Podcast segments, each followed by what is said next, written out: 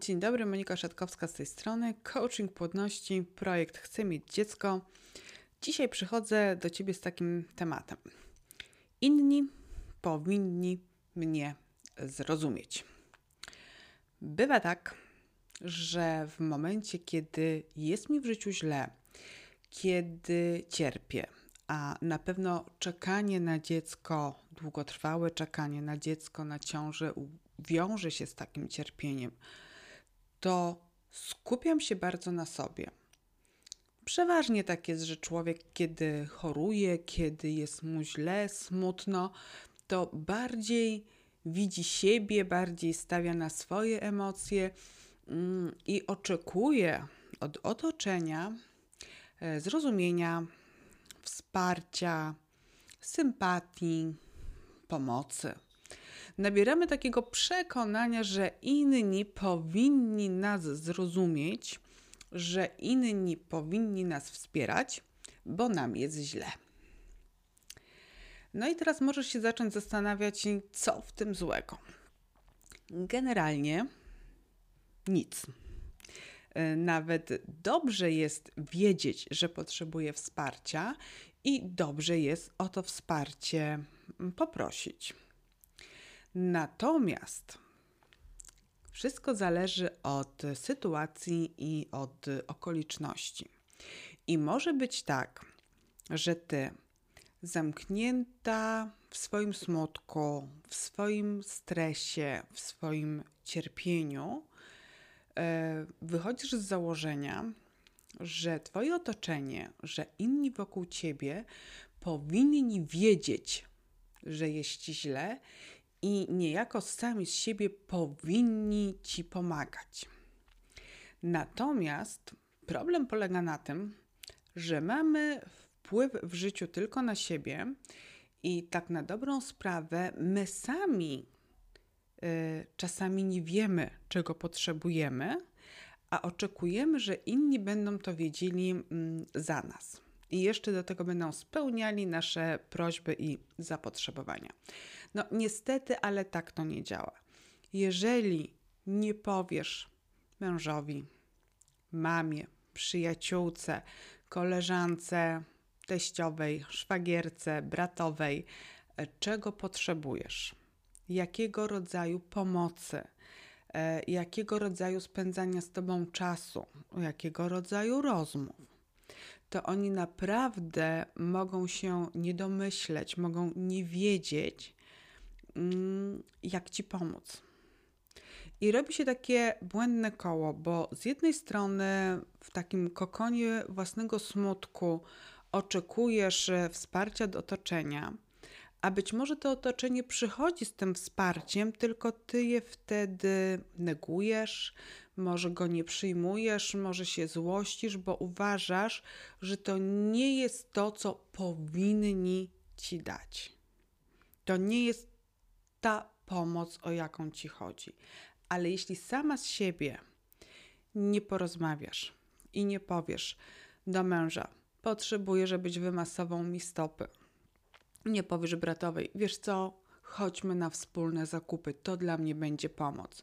Nie powiesz mamie, mamo, wiesz co, twoja szarlotka to koi mój smutek i złość, możesz mi ją upiec.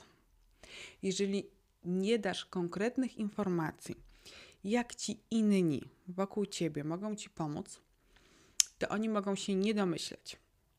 Natomiast jeżeli zaczniesz mówić, to dzięki temu mm, ty uzyskasz takie wsparcie, na jakim ci zależy, e, i to najbliższe otoczenie E, też e, nie będzie przeżywało frustracji, niepokoju i złości, że coś dziwnego się z tobą dzieje i nic ci nie pasuje, bo po prostu będą wiedzieli, w jaki sposób mogą okazać ci swoje emocje, swoją troskę i w jaki sposób będą mogli pomóc tobie w tym trudnym czasie czekania na dziecko.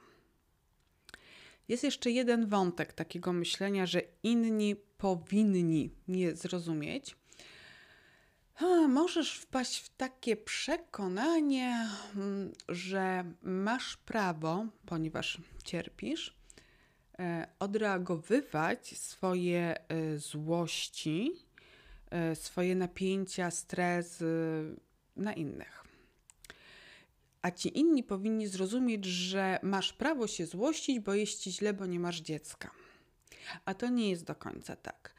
Prawdopodobnie jest w tobie dużo złości, właśnie napięcia, smutku, żalu, bezradności, frustracji związanej z tym, że leczysz niepłodność, a tego dziecka nie ma. I być może nie pracujesz regularnie nad tym, żeby tych emocji się z siebie pozbyć, żeby je regularnie e, jakby minimalizować e, ich ilość w tobie.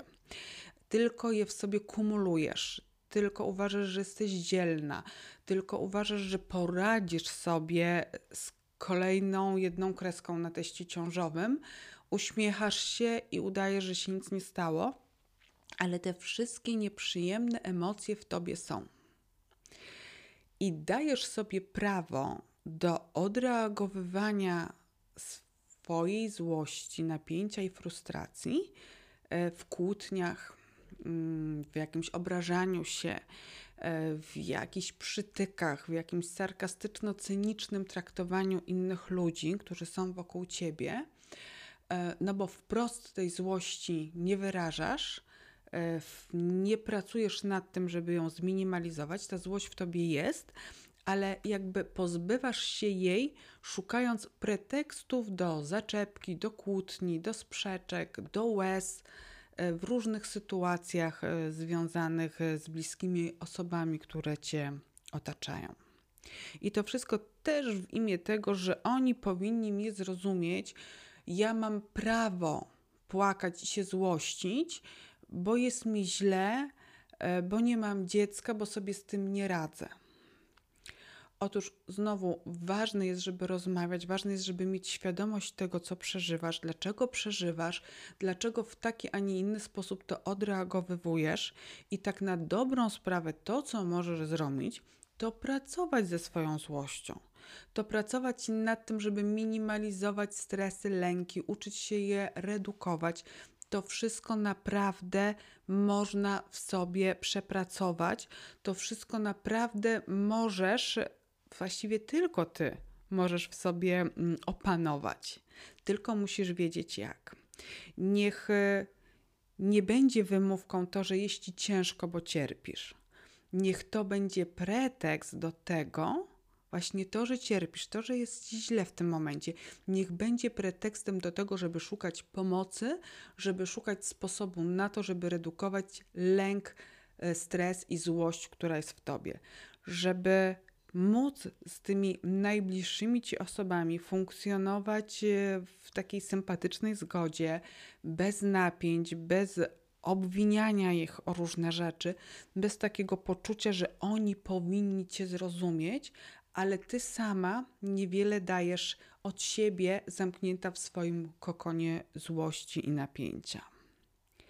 Więc podsumowując, po pierwsze, inni wcale nie muszą cię rozumieć. To ty, jeżeli potrzebujesz czegoś od innych, to im o tym konkretnie powiedz. A po drugie, Pracuj nad redukcją złości, stresu i lęku, żeby nie odreagowywać swoich frustracji na innych osobach, tylko żeby umieć samej z tym pracować, żeby relacje z najbliższymi były pełne ciepła, wsparcia, serdeczności. Takie przyjemne emocje bardzo przydają się w czasie leczenia niepłodności i w czasie czekania na dziecko. Przemyśl to jakbyś szukała sposobu na to, jak redukować lęki, napięcia i stres, zapraszam na sesję coachingu płodności.